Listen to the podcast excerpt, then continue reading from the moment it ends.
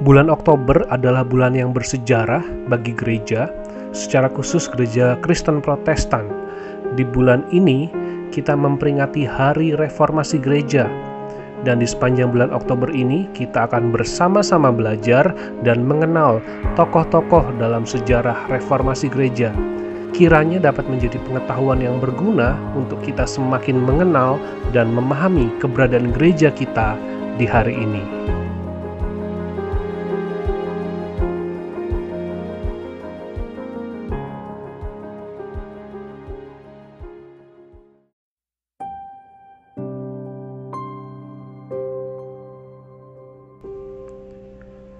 Hugh Latimer dan Nicholas Ridley. Lilin reformasi bagi Inggris. Bagi mereka yang akrab dengan reformasi Inggris, nama Latimer tidak lengkap kalau tidak diikuti dengan nama Ridley. Uskup Hugh Latimer dan Nicholas Ridley diikat bersama di dalam sejarah, terutama karena mereka diikat pada tiang yang sama pada tanggal 16 Oktober 1555 di utara Oxford.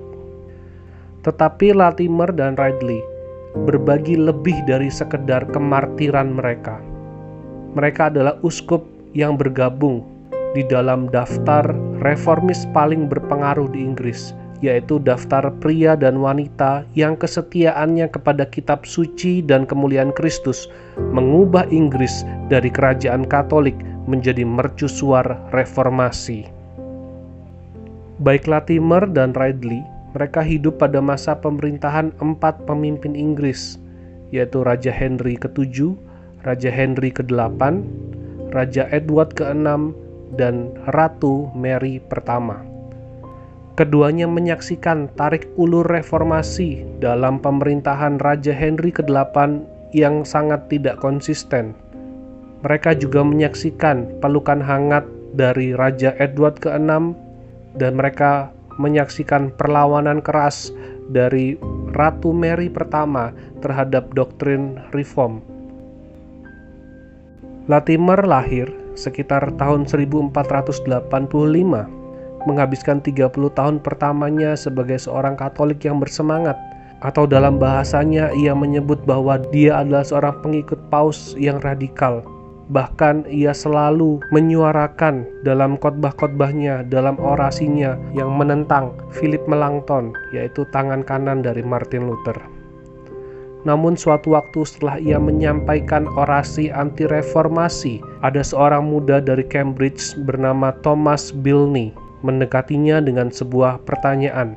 Apakah Latimer mengizinkan Bilney secara pribadi menjelaskan tentang iman reformnya sendiri? Latimer setuju dan sejak saat itu dia mulai mencium firman Tuhan dan meninggalkan kehidupan lamanya. Latimer mengumpulkan anak panah yang telah dia tembak ke arah reformasi dan dia mulai mengarahkan busur itu ke arah lain Selama beberapa dekade berikutnya, dia membedakan dirinya sebagai pengkhotbah reform yang gigih. Ia terkadang menikmati bantuan dari Raja Henry VIII, dan di lain waktu ia takut karena Raja Henry VIII menghambat gerakan-gerakan reformasi di Inggris. Mungkin tahun-tahun paling sukses dari pelayanan Latimer datang di bawah pemerintahan singkat dari Raja Edward ke-6 dari tahun 1547 sampai 1553. Terlepas dari usianya, Latimer membantu Uskup Agung Canterbury, Thomas Cranmer, dalam reformasi gereja Inggris dan dia juga berkhotbah seperti orang yang tidak bisa berhenti.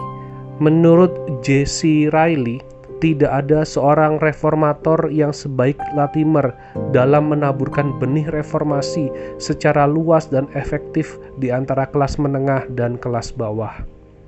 Kemudian pada tahun 1553, Ratu Mary berkuasa dan Latimer dimasukkan ke dalam penjara di menara London. Nicholas Ridley, sekitar 20 tahun lebih muda daripada Latimer, ia lahir sekitar tahun 1502 di dekat perbatasan Skotlandia. Selama lima dekade berikutnya, dia menjadi salah satu orang yang paling cerdas dan paling tajam di Inggris Bahkan ia sampai menghafal semua surat perjanjian baru dalam bahasa Yunani. Setelah bersekolah di Cambridge, Radley melanjutkan studinya di Prancis, di mana dia kemungkinan besar menemukan ajaran reformasi. Tidak seperti Latimer, Radley tidak meninggalkan catatan yang jelas tentang bagaimana perjalanannya dari seorang pendeta Katolik menjadi pengkhotbah Protestan. Tetapi kita tahu bahwa dia mendandatangani dekrit di tahun 1534 yang menentang supremasi paus, bahwa dia menerima jabatan pendeta untuk Uskup Agung Cranmer tiga tahun kemudian dan bahwa dia meninggalkan doktrin Katolik tentang transubstansiasi pada tahun 1545.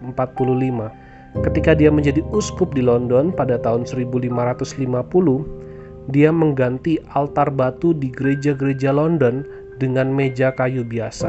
Menurut Ridley dan para reformator, persekutuan adalah pesta spiritual, bukan pengorbanan kemampuan ilmiah Ridley membawanya dari satu jabatan bergengsi ke jabatan berikutnya. Bahkan ketika berada di bawah pemerintahan Raja Henry VIII yang tidak konsisten itu. Dari Canterbury ia ke Westminster, dari Westminster ia ke Soham, kemudian ke Rochester, ke London.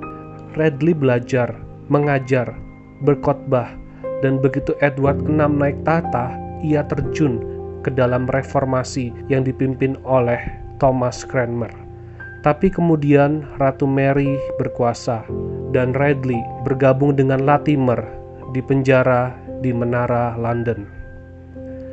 Pada 16 Oktober 1555, setelah menghabiskan 18 bulan di penjara di Menara London, Latimer dan Radley bertemu di sebuah tiang pancang di Oxford dengan Latimer menggunakan rok dan topi, sedangkan Redley dalam gaun uskupnya.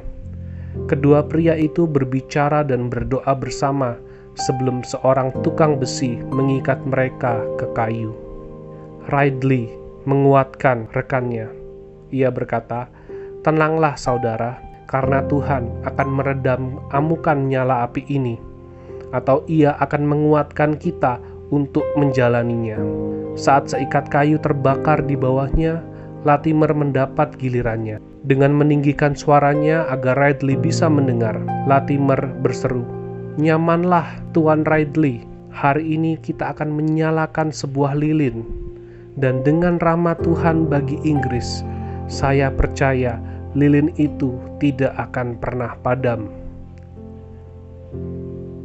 Tiga tahun kemudian, Ratu Mary pertama meninggal dan mewariskan kerajaan kepada saudara tirinya, yaitu Ratu Elizabeth, seorang ratu Protestan, dan lilin Latimer dan Ridley. Bukan hanya tetap menyala dan tidak padam, tetapi lilin itu telah menjadi obor bagi reformasi di Inggris.